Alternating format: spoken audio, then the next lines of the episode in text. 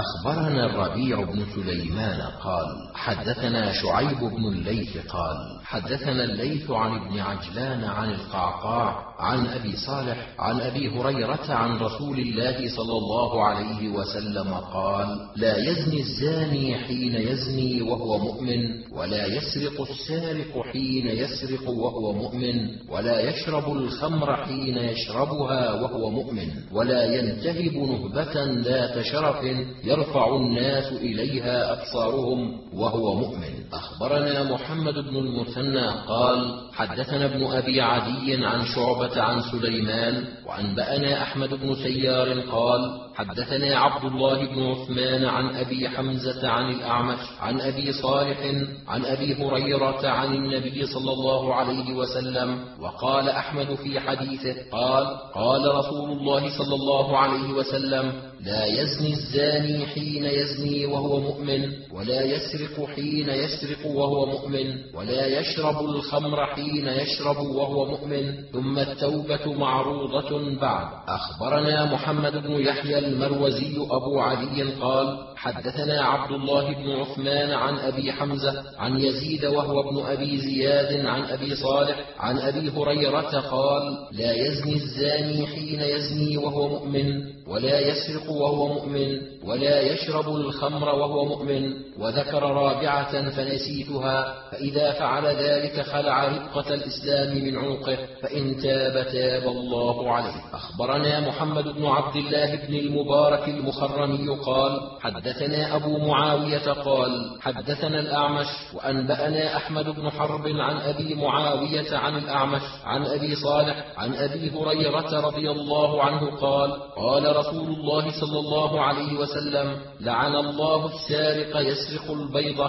فتقطع يده ويسرق الحبل فتقطع يده. أخبرنا إسحاق بن إبراهيم قال حدثنا بقية بن الوليد قال حدثني صفوان بن عمرو قال حدثني أزهر بن عبد الله الحرازي عن النعمان بن بشير أنه رفع إليه نفر من الكلاعيين أن حاكة سرقوا متاعا فحبسهم أياما ثم خلى سبيلهم فأتوه فقالوا خليت سبيل هؤلاء بلا امتحان ولا ضرب؟ فقال النعمان ما شئتم إن شئتم أضربهم فإن أخرج الله متاعكم فذاك وإلا أخذت من ظهوركم مثله. قالوا هذا حكمك؟ قال هذا حكم الله عز وجل ورسوله صلى الله عليه وسلم. أخبرنا عبد الرحمن بن محمد بن سلام قال حدثنا أبو أسامة قال أخبرني ابن المبارك عن معمر عن بهز بن حكيم عن أبيه عن جده أن رسول الله صلى الله عليه وسلم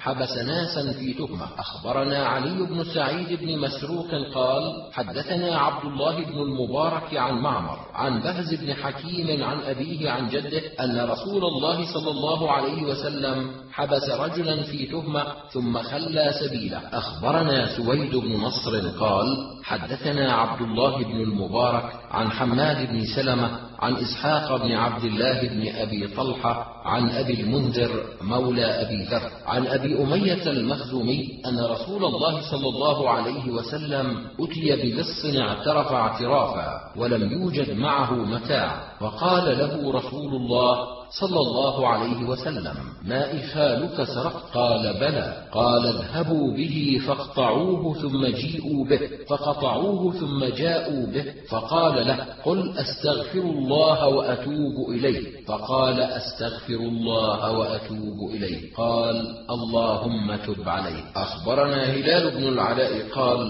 حدثني أبي. قال حدثنا يزيد بن زريع عن سعيد عن قتادة عن عطاء عن صفوان بن أمية أن رجلا سرق بردة له فرفعه إلى النبي صلى الله عليه وسلم فأمر بقطعة فقال يا رسول الله قد تجاوزت عنه. فقال أبا وهب أفلا كان قبل أن تأتينا به؟ فقطعه رسول الله صلى الله عليه وسلم. أخبرني عبد الله بن أحمد بن محمد بن حنبل قال حدثنا أبي قال حدثنا محمد بن جعفر قال حدثنا سعيد عن قتادة عن عطاء عن طارق بن مرقع عن صفوان بن أمية أن رجلا سرق بردة فرفعه إلى النبي صلى الله عليه وسلم فأمر بقطعه فقال يا رسول الله قد تجاوزت عنه. قال فلولا كان هذا قبل أن تأتيني به يا أبا وهب فقطعه رسول الله صلى الله عليه وسلم. أخبرنا محمد بن حاتم بن نعيم قال أنبأنا حبان قال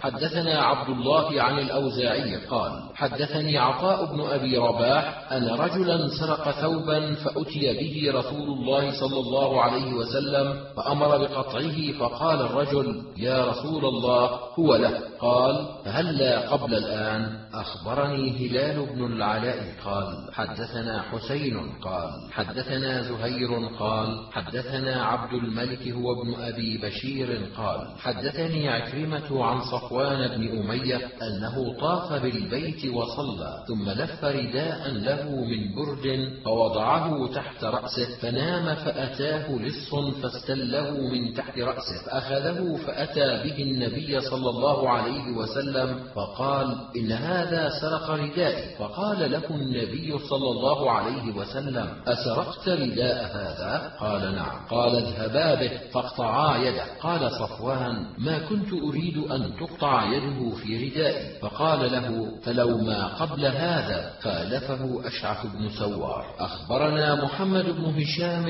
يعني ابن أبي خيرة قال حدثنا الفضل يعني ابن العلاء الكوفي. قال حدثنا أشعث عن عكرمة عن ابن عباس قال كان صفوان نائما في المسجد ورداؤه تحته فسرق فقام وقد ذهب الرجل فأدركه فأخذه فجاء به إلى النبي صلى الله عليه وسلم فأمر بقطعه قال صفوان يا رسول الله ما بلغ ردائي أن يقطع فيه رجل. قال ألا كان هذا قبل أن تأتينا به؟ قال أبو عبد الرحمن أشعث ضعيف. أخبرني أحمد بن عثمان بن حكيم قال حدثنا عمرو عن أسباط عن سماك عن حميد بن أخت صفوان عن صفوان بن أمية قال كنت نائما في المسجد على خميصة لي ثمنها ثلاثون درهما فجاء رجل فاختلسها مني فأخذ الرجل فأتي به النبي صلى الله عليه وسلم فأمر به ليقطع فأتيته فقلت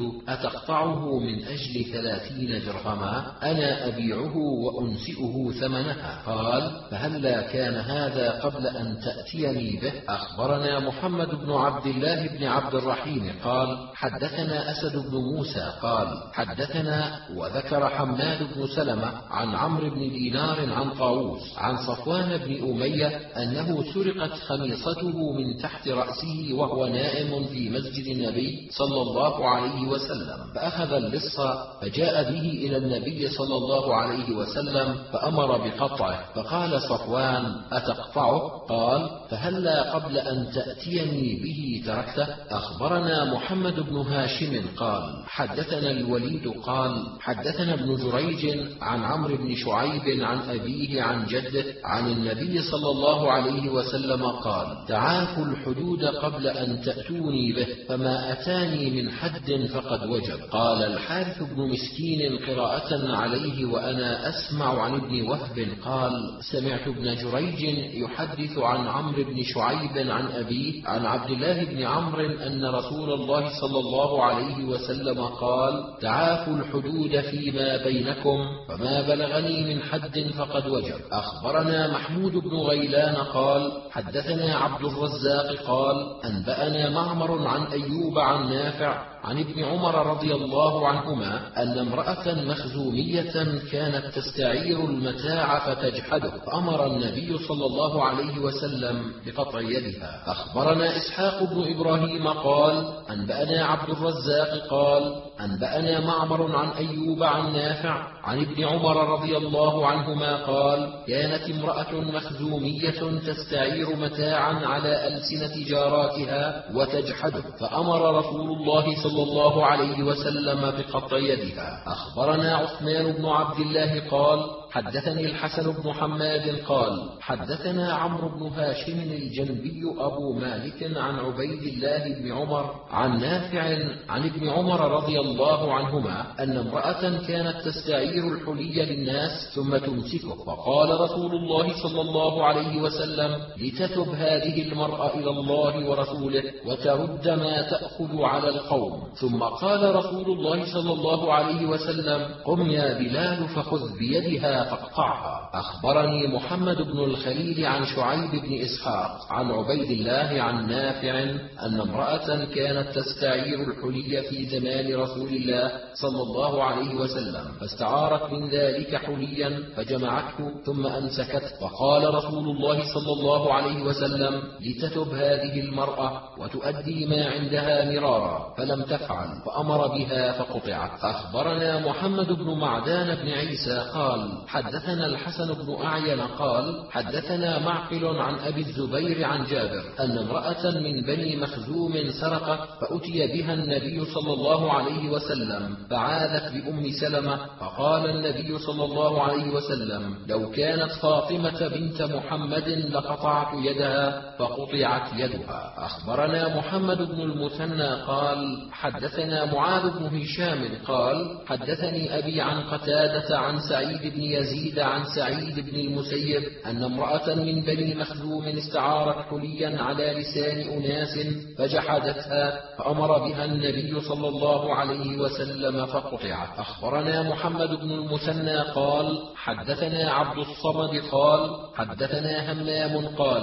حدثنا قتادة عن داود بن أبي عاصم أن سعيد بن المسيب حدثه نحوه. أخبرنا إسحاق بن إبراهيم قال أنبأنا سفيان قال كانت مخزومية تستعير متاعا وتجحده فرفعت إلى رسول الله صلى الله عليه وسلم وكل ما فيها فقال لو كانت فاطمة لقطعت يدها. قيل لسفيان من ذكر قال أيوب بن موسى عن الزهري عن عروة عن عائشة إن شاء الله تعالى. أخبرنا محمد بن منصور قال حدثنا سفيان عن أيوب بن موسى عن الزهري عن عروة عن عائشة أن امرأة سرقت فأتي بها النبي صلى الله عليه وسلم فقالوا من يجترئ على رسول الله صلى الله عليه وسلم إلا أن يكون أسامة؟ فكلموا أسامة فكلمه فقال النبي صلى الله عليه وسلم يا أسامة إنما هلكت بنو إسرائيل حين كانوا إذا أصاب الشريف فيهم الحد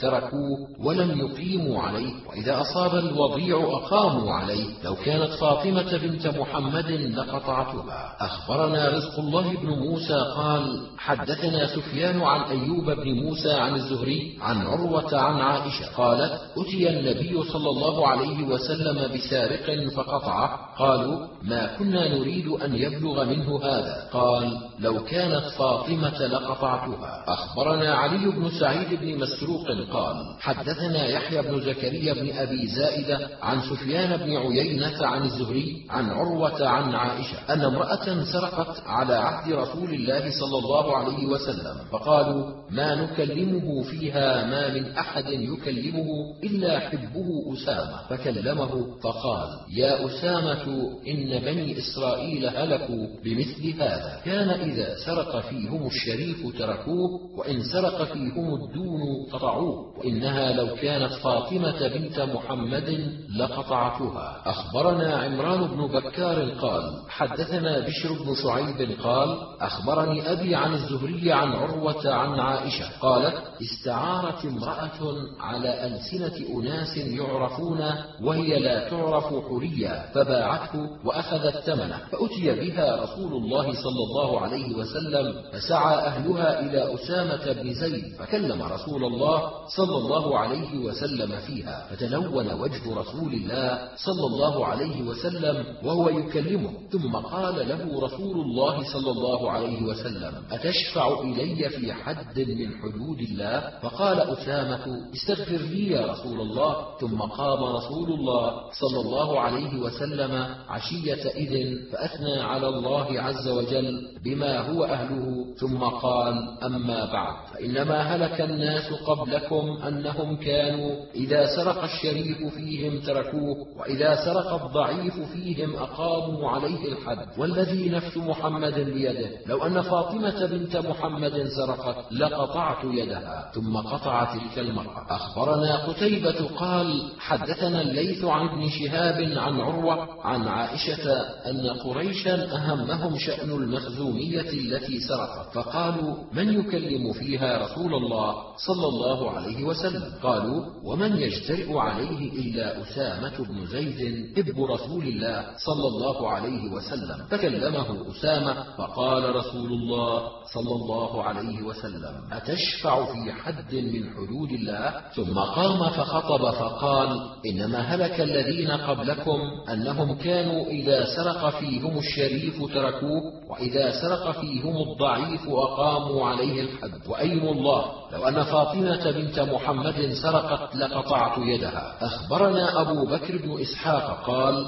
حدثنا أبو الجواب قال حدثنا عمار بن زريق عن محمد بن عبد الرحمن بن أبي ليلى عن إسماعيل بن أمية عن محمد بن مسلم عن عروة عن عائشة قالت سرقت امرأة من قريش من بني مخزوم فأتي بها النبي صلى الله عليه وسلم فقالوا من يكلمه فيها؟ قالوا أسامة بن زيد. فأتاه فكلمه فزبره وقال إن بني إسرائيل كانوا إذا سرق فيهم الشريف تركوه وإذا سرق الوضيع قطعوه والذي نفسي بيده لو أن فاطمة بنت محمد سرقت لقطعتها. أخبرني محمد بن جبلة قال حدثنا محمد بن موسى بن أعين قال حدثنا أبي عن إسحاق بن راشد عن الزهري عن عروة عن عائشة أن قريشا أهمهم شأن المخزومية التي سرقت فقالوا من يكلم فيها؟ قالوا من يجترئ عليه إلا أسامة بن زيد حب رسول الله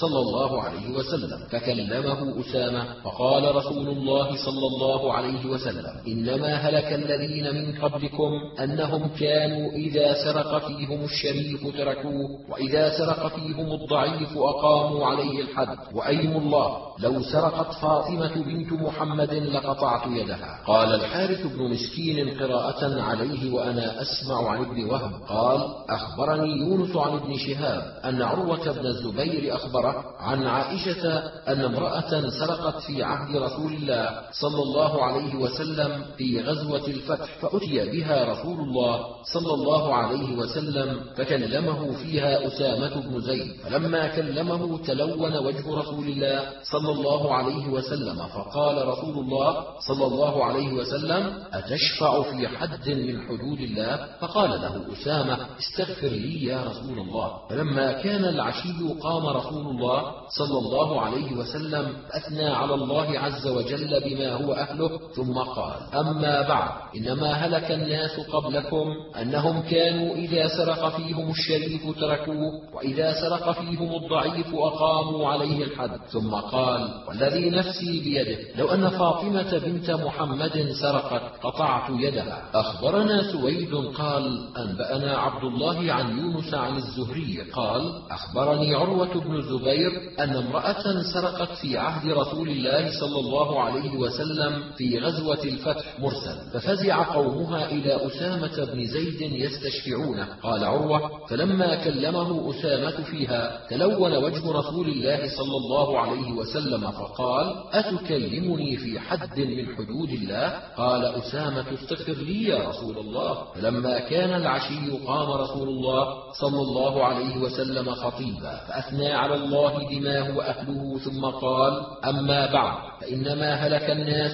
قبلكم أنهم كانوا إذا سرق فيهم الشريف تركوه وإذا سرق فيهم الضعيف أقاموا عليه الحد. والذي نفس محمد بيده لو أن فاطمة بنت محمد سرقت لقطعت يدها. ثم أمر رسول الله صلى الله عليه وسلم بيد تلك المرأة فقطعت. فحسنت توبتها بعد ذلك. قالت عائشة رضي الله عنها وكانت تأتيني بعد ذلك فأرفع حاجتها إلى رسول الله صلى الله عليه وسلم. أخبرنا سويد بن نصر قال أنبأنا عبد الله عن عيسى بن يزيد قال حدثني جرير بن يزيد أنه سمع أبا زرعة بن عمرو بن جرير يحدث أنه سمع أبا هريرة يقول قال رسول الله صلى الله عليه وسلم حد يعمل في الأرض خير لأهل الأرض من أن يمطروا ثلاثين صباحا. أخبرنا عبد الحميد بن محمد قال حدثنا مخلد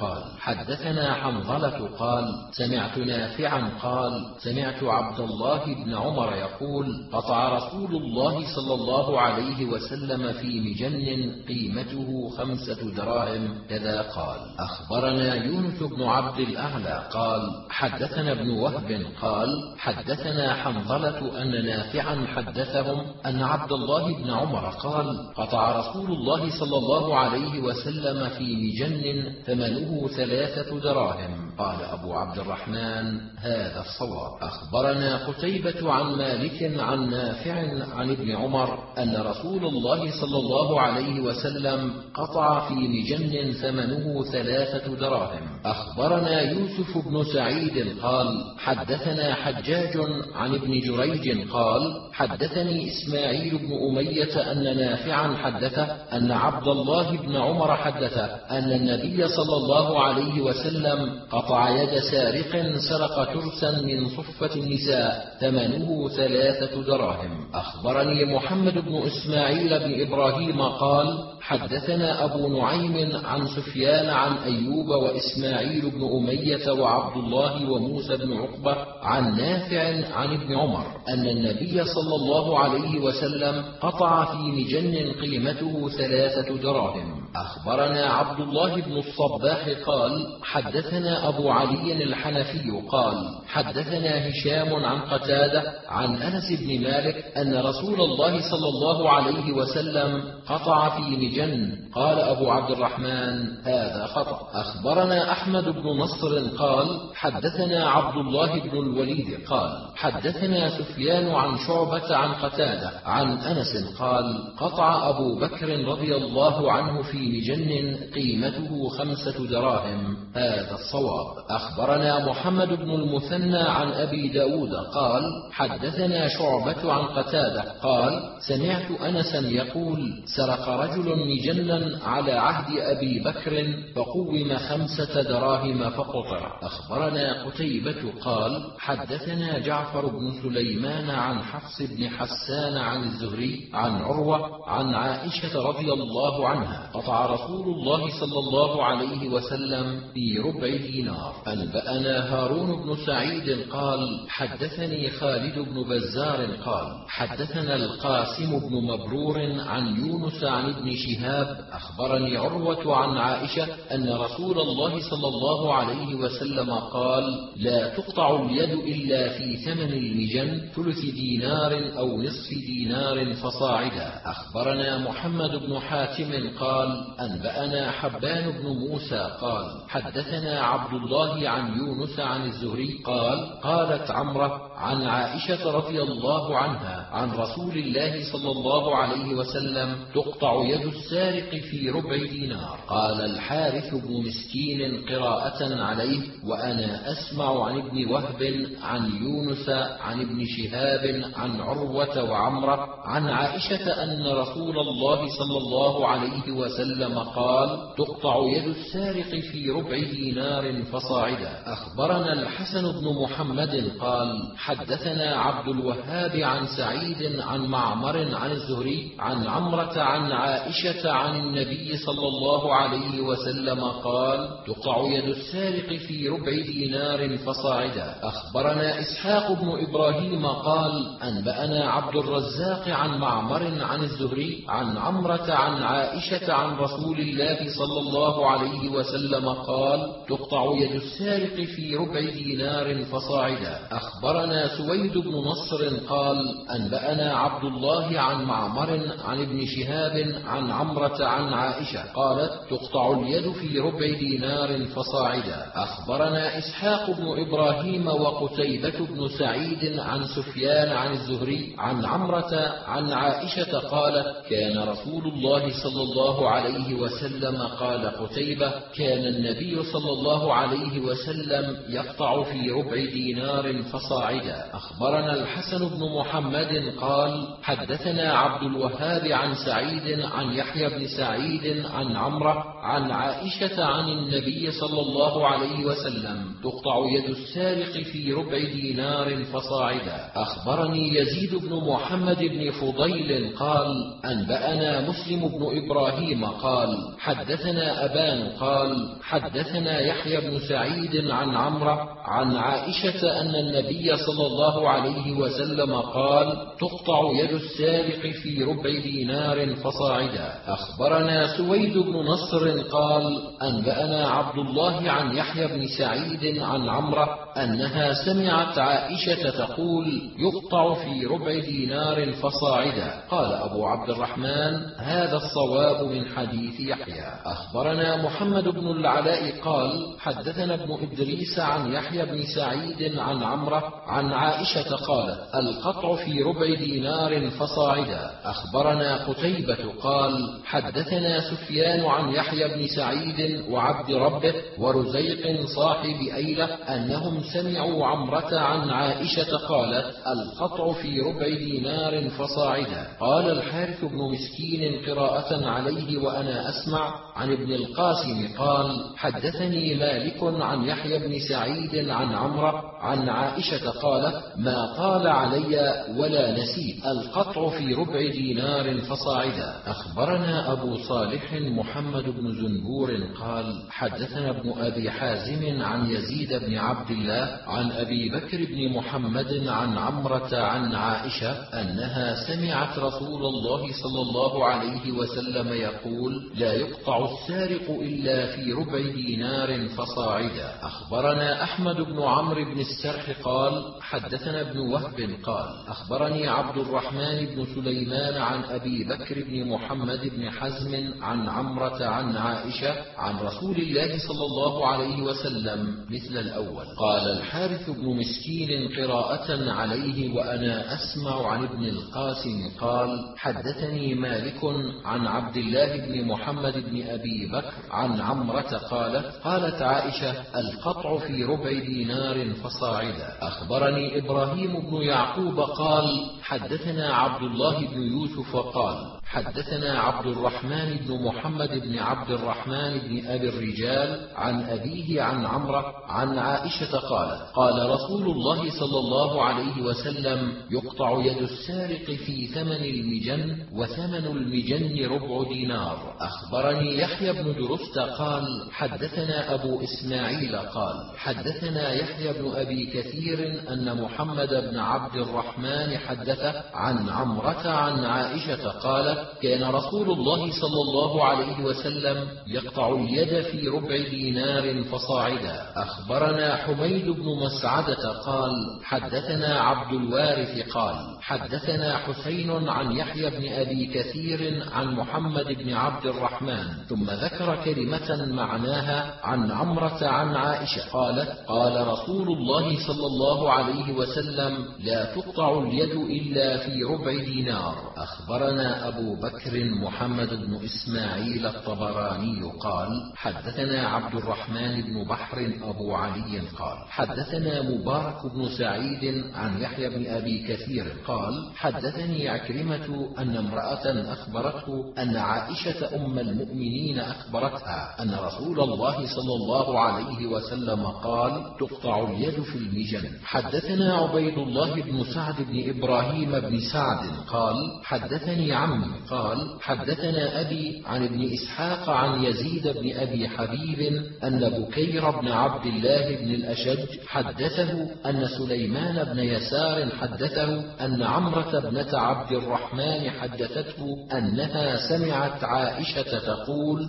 قال رسول الله صلى الله عليه وسلم لا تقطع يد السارق فيما دون المجن. قيل لعائشة ما ثمن المجن؟ قالت ربع دينار. أخبر أخبرني أحمد بن عمرو بن السرح قال حدثنا ابن وهب قال أخبرني مخرمة عن أبيه عن سليمان بن يسار عن عمرة عن عائشة أنها سمعت رسول الله صلى الله عليه وسلم يقول لا تقطع يد السارق إلا في ربع دينار فصاعدا. أخبرني هارون بن عبد الله قال حدثنا قدامة بن محمد قال أنبأنا مخرمة عن أبيه قال سمعت عثمان بن أبي الوليد مولى الأخنسيين يقول سمعت عروة بن الزبير يقول كانت عائشة تحدث عن النبي صلى الله عليه وسلم يقول لا تقطع اليد إلا في المجن أو ثمنه. أخبرنا أبو بكر بن إسحاق قال حدثني قدامة بن محمد قال أخبرني مخرمة بن بكير عن أبيه قال سمعت عثمان بن أبي الوليد يقول سمعت عروة بن الزبير يقول كانت عائشة تحدث عن نبي الله صلى الله عليه وسلم أنه قال لا تقطع اليد إلا في المجن أو ثمنه وزعم أن عروة قال المجن أربعة دراهم. قال وسمعت سليمان بن يسار يزعم أنه سمع عمرة تقول سمعت عائشة تحدث أنها سمعت رسول الله صلى الله عليه وسلم يقول لا تقطع اليد إلا في ربع دينار فما فوقه أخبرنا عمرو بن علي قال حدثنا عبد الرحمن بن مهدي قال حدثنا همام عن قتادة عن عبد الله الداناج عن سليمان بن يسار قال لا تقطع الخمس إلا في الخمس. قال همام فلقيت عبد الله الداناج فحدثني عن سليمان بن يسار قال لا تقطع الخمس إلا في الخمس. أخبرنا سويد بن نصر قال أنبأنا عبد الله عن هشام بن عروة عن أبيه عن عائشة قالت لم تقطع يد سارق في أدنى من حجفة أو ترس وكل واحد منهما ذو ثمن. أخبرنا محمد بن المثنى قال حدثنا عبد الرحمن عن سفيان عن عيسى عن الشعبي عن عبد الله أن النبي صلى الله عليه وسلم قطع في قيمة خمسة دراهم. وأخبرنا محمود بن غيلان قال حدثنا معاوية قال حدثنا سفيان عن منصور عن مجاهد عن عطاء عن أيمن قال لم يقطع النبي صلى الله عليه وسلم السارق إلا في ثمن المجن وثمن المجن يومئذ دينار. أخبرنا محمد بن بشار قال حدثنا عبد الرحمن قال حدثنا سفيان عن منصور عن مجاهد عن أيمن قال لم تكن تقطع اليد على عهد رسول الله صلى الله عليه وسلم إلا في ثمن المجن وقيمته يومئذ دينار. أخبرنا أبو الأزهر النيسابوري قال حدثنا محمد بن يوسف قال حدثنا سفيان عن منصور عن الحكم عن مجاهد عن أيمن قال لم تقطع اليد في زمن رسول الله صلى الله عليه وسلم إلا في ثمن المجن وقيمة المجن يومئذ دينار. حدثنا محمد بن بشار قال حدثنا عبد الله بن داود عن علي بن صالح عن منصور عن الحكم عن مجاهد وعطاء عن أيمن قال لم تقطع اليد في عهد رسول الله صلى الله عليه وسلم إلا في ثمن المجن وثمنه يومئذ دينار. أخبرنا هارون بن عبد الله قال حدثنا الأسود بن عامر قال أنبأنا الحسن بن حي عن منصور عن الحكم عن عطاء ومجاهد عن أيمن قال يقطع السارق في ثمن المجن وكان ثمن المجن على عهد رسول الله صلى الله عليه وسلم دينارا أو عشرة دراهم. أخبرنا علي بن حجر قال أنبأنا شريك عن منصور عن عطاء ومجاهد عن أيمن بن أم أيمن يرفعه قال لا تقطع اليد إلا في ثمن المجن وثمنه يومئذ دينار. أخبرنا قتيبة قال حدثنا جرير عن منصور عن عطاء ومجاهد عن أيمن قال لا يقطع السارق في أقل من ثمن المجن. أخبرنا عبيد الله بن سعد بن إبراهيم بن سعد قال حدثنا عمي قال حدثنا أبي عن ابن إسحاق قال حدثنا عمرو بن شعيب أن عطاء بن أبي رباح حدثه أن عبد الله بن عباس كان يقول ثمنه يومئذ عشرة دراهم. أخبرنا يحيى بن موسى البلخي قال حدثنا ابن نمير قال حدثنا محمد بن إسحاق عن أيوب بن موسى عن عطاء عن ابن عباس مثله. كان ثمن المجن على عهد رسول الله صلى الله عليه وسلم يقوم عشرة دراهم. أخبرني محمد بن وهب قال حدثنا محمد بن سلمة قال حدثني ابن إسحاق عن أيوب بن موسى عن عطاء مرسل. أخبرني حميد بن مسعدة عن سفيان وهو ابن حبيب عن العزرمي وهو عبد الملك بن أبي سليمان عن عطاء قال أدنى ما يقطع فيه ثمن المجن. قال وثمن المجن يومئذ عشرة دراهم. قال أبو عبد الرحمن وأيمن الذي تقدم ذكرنا لحديثه ما أحسب أن له صحبة وقد روي عنه حديث آخر يدل على ما قلناه. حدثنا سوار بن عبد الله بن سوار قال حدثنا خالد بن الحارث قال حدثنا عبد الملك وأنبأنا عبد الرحمن بن محمد بن سلام قال أنبأنا إسحاق هو الأزرق قال حدثنا به عبد الملك عن عطاء عن أيمن مولى بن الزبير وقال خالد في حديثه مولى الزبير عن تبيع عن كعب قال من توضأ فأحسن الوضوء ثم صلى. وقال عبد الرحمن فصلى العشاء الآخرة ثم صلى بعدها أربع ركعات فأتم. وقال سوار يتم ركوعهن وسجودهن ويعلم ما يقترئ. وقال سوار يقرأ فيهن كن له بمنزلة ليلة القدر. أخبرنا عبد الحميد بن محمد قال حدثنا مخلد قال حدثنا ابن جريج عن عطاء عن أيمن مولى بن عمر عن تبيع عن كعب قال من توضأ فأحسن وضوءه ثم شهد صلاة العتمة في جماعة ثم صلى إليها أربعا مثلها يقرأ فيها ويتم ركوعها وسجودها كان له من الأجر مثل ليلة القدر. أخبرنا خلاد بن أسلم عن عبد الله بن إدريس عن محمد بن إسحاق عن عمرو بن شعيب عن أبيه عن جده. قال كان ثمن المجن على عهد رسول الله صلى الله عليه وسلم عشرة دراهم. أخبرنا قتيبة قال حدثنا أبو عوانة عن عبد الله بن الأخنس عن عمرو بن شعيب عن أبيه عن جده قال سئل رسول الله صلى الله عليه وسلم في كم تقطع اليد؟ قال لا تقطع اليد في ثمر معلق فإذا ضمه الجرين قطعت في ثمن المجن ولا تقطع في حريسة الجبل فإذا آوى المراح قطعت في ثمن المجن أخبرنا قتيبة قال حدثنا الليث عن ابن عجلان عن عمرو بن شعيب عن أبيه عن جده عبد الله بن عمرو عن رسول الله صلى الله عليه وسلم أنه سئل عن الثمر المعلق فقال ما أصاب من ذي حاجة غير متخذ خبنة فلا شيء عليه ومن خرج بشيء منه فعليه غرامة مثليه والعقوبة ومن سرق شيئا منه بعد أن يؤويه الجرين فبلغ ثمن المجن فعليه القطع ومن سرق دون ذلك فعليه غرامة مثليه والعقوبة. قال الحارث بن مسكين قراءة عليه وأنا أسمع عن ابن وهب. قال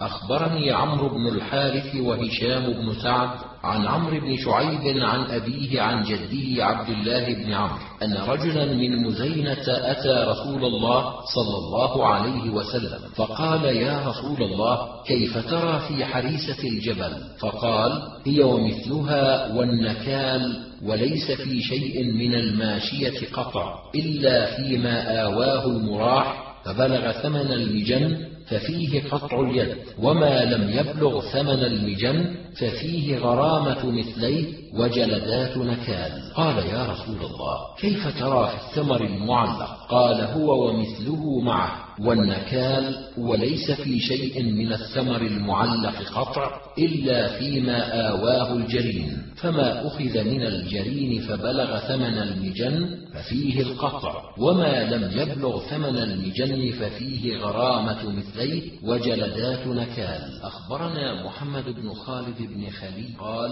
حدثنا أبي قال حدثنا سلمة يعني ابن عبد الملك العوصي عن الحسن وهو ابن صالح عن يحيى بن سعيد عن القاسم بن محمد بن أبي بكر عن رافع بن خديج قال سمعت رسول الله صلى الله عليه وسلم يقول لا قطع في ثمر ولا كثر. أخبرنا عمرو بن علي قال سمعت يحيى بن سعيد القطان يقول حدثنا يحيى بن سعيد عن محمد بن يحيى بن حبان عن رافع بن خديج قال سمعت رسول الله صلى الله عليه وسلم يقول لا قطع في ثمر ولا كثر. أخبرني يحيى بن حبيب بن عربي قال حدثنا حماد عن يحيى عن محمد بن يحيى بن حبان عن رافع بن خديج قال سمعت رسول الله صلى الله عليه وسلم يقول لا قطع في ثمر ولا كثر. أخبرنا عبد الرحمن بن محمد بن سلام قال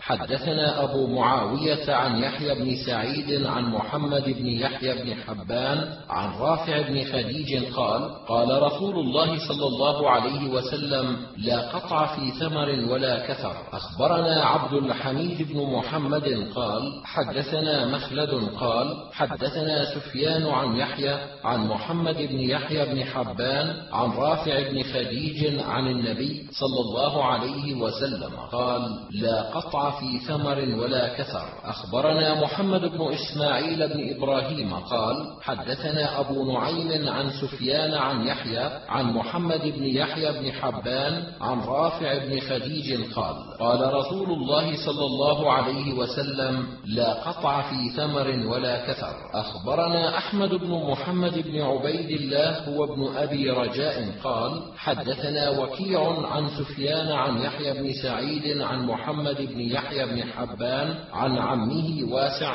عن رافع بن خديج قال قال رسول الله صلى الله عليه وسلم لا قطع في ثمر ولا كثر أخبرنا قتيبة قال حدثنا الليث عن يحيى بن سعيد عن محمد بن يحيى بن حبان عن عمه أن رافع بن خديج قال سمعت رسول الله صلى الله عليه وسلم يقول لا قطع في ثمر ولا كثر والكثر الجمار. أخبرنا محمد بن علي بن ميمون قال حدثنا سعيد بن منصور قال حدثنا عبد العزيز بن محمد عن يحيى بن سعيد عن محمد بن يحيى بن حبان عن أبي ميمون عن رافع بن خديج أن رسول الله صلى الله عليه وسلم قال لا قطع في ثمر ولا كثر قال أبو عبد الرحمن هذا خطأ أبو ميمون لا أعرفه أخبرنا الحسين بن منصور قال حدثنا أبو أسامة قال حدثنا يحيى بن سعيد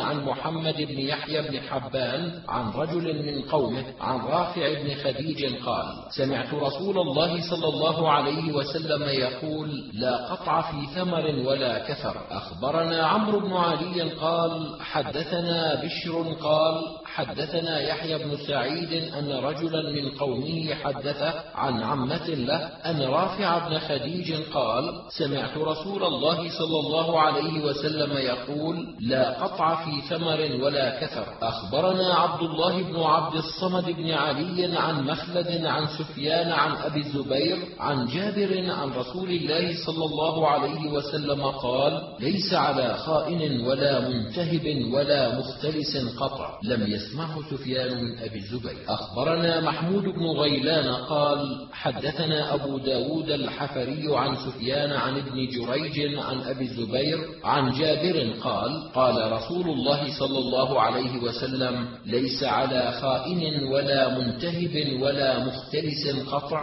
ولم يسمعه أيضا ابن جريج من أبي الزبير. أخبرني إبراهيم بن الحسن عن حجاج قال قال ابن جريج قال أبو الزبير عن جابر عن رسول الله صلى الله عليه وسلم ليس على المختلس قطع. أخبرني إبراهيم بن الحسن عن حجاج قال قال ابن جريج قال أبو الزبير قال جابر ليس على الخائن قطع. قال أبو عبد الرحمن وقد روى هذا الحديث عن ابن جريج عيسى بن يونس والفضل بن موسى وابن وهب ومحمد بن ربيعة ومخلد بن يزيد وسلمة بن سعيد بصري ثقة. قال ابن أبي صفوان وكان خير أهل زمانه فلم يقل أحد منهم حدثني أبو الزبير ولا أحسبه سمعه من أبي الزبير والله تعالى أعلم. أخبرنا خالد بن روح الدمشقي قال حدثنا يزيد يعني ابن خالد بن يزيد بن عبد الله بن موهب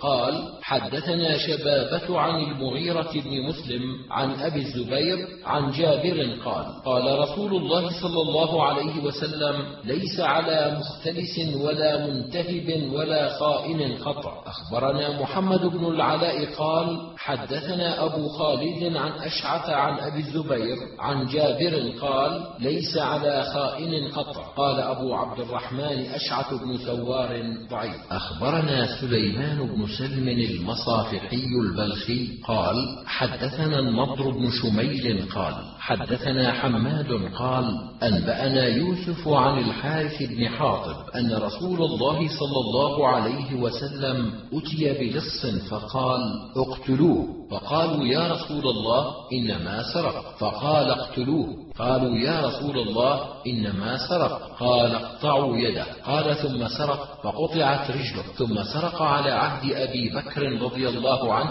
حتى قطعت قوائمه كلها. ثم سرق أيضا الخامسة. فقال أبو بكر رضي الله عنه كان رسول الله صلى الله عليه وسلم أعلم بهذا حين قال اقتلوه. ثم دفعه إلى فتية من قريش ليقتلوه. منهم عبد الله بن الزبير. وكان يحب الإمارة. فقال أمروني عليكم فأمروه عليهم فكان إذا ضرب ضربوه حتى قتلوه. أخبرنا محمد بن عبد الله بن عبيد بن عقيل قال حدثنا جدي قال حدثنا مصعب بن ثابت عن محمد بن المنكدر عن جابر بن عبد الله قال جيء بسارق إلى رسول الله صلى الله عليه وسلم فقال اقتلوه. فقالوا يا رسول الله إنما سرق. قال اقطعوه.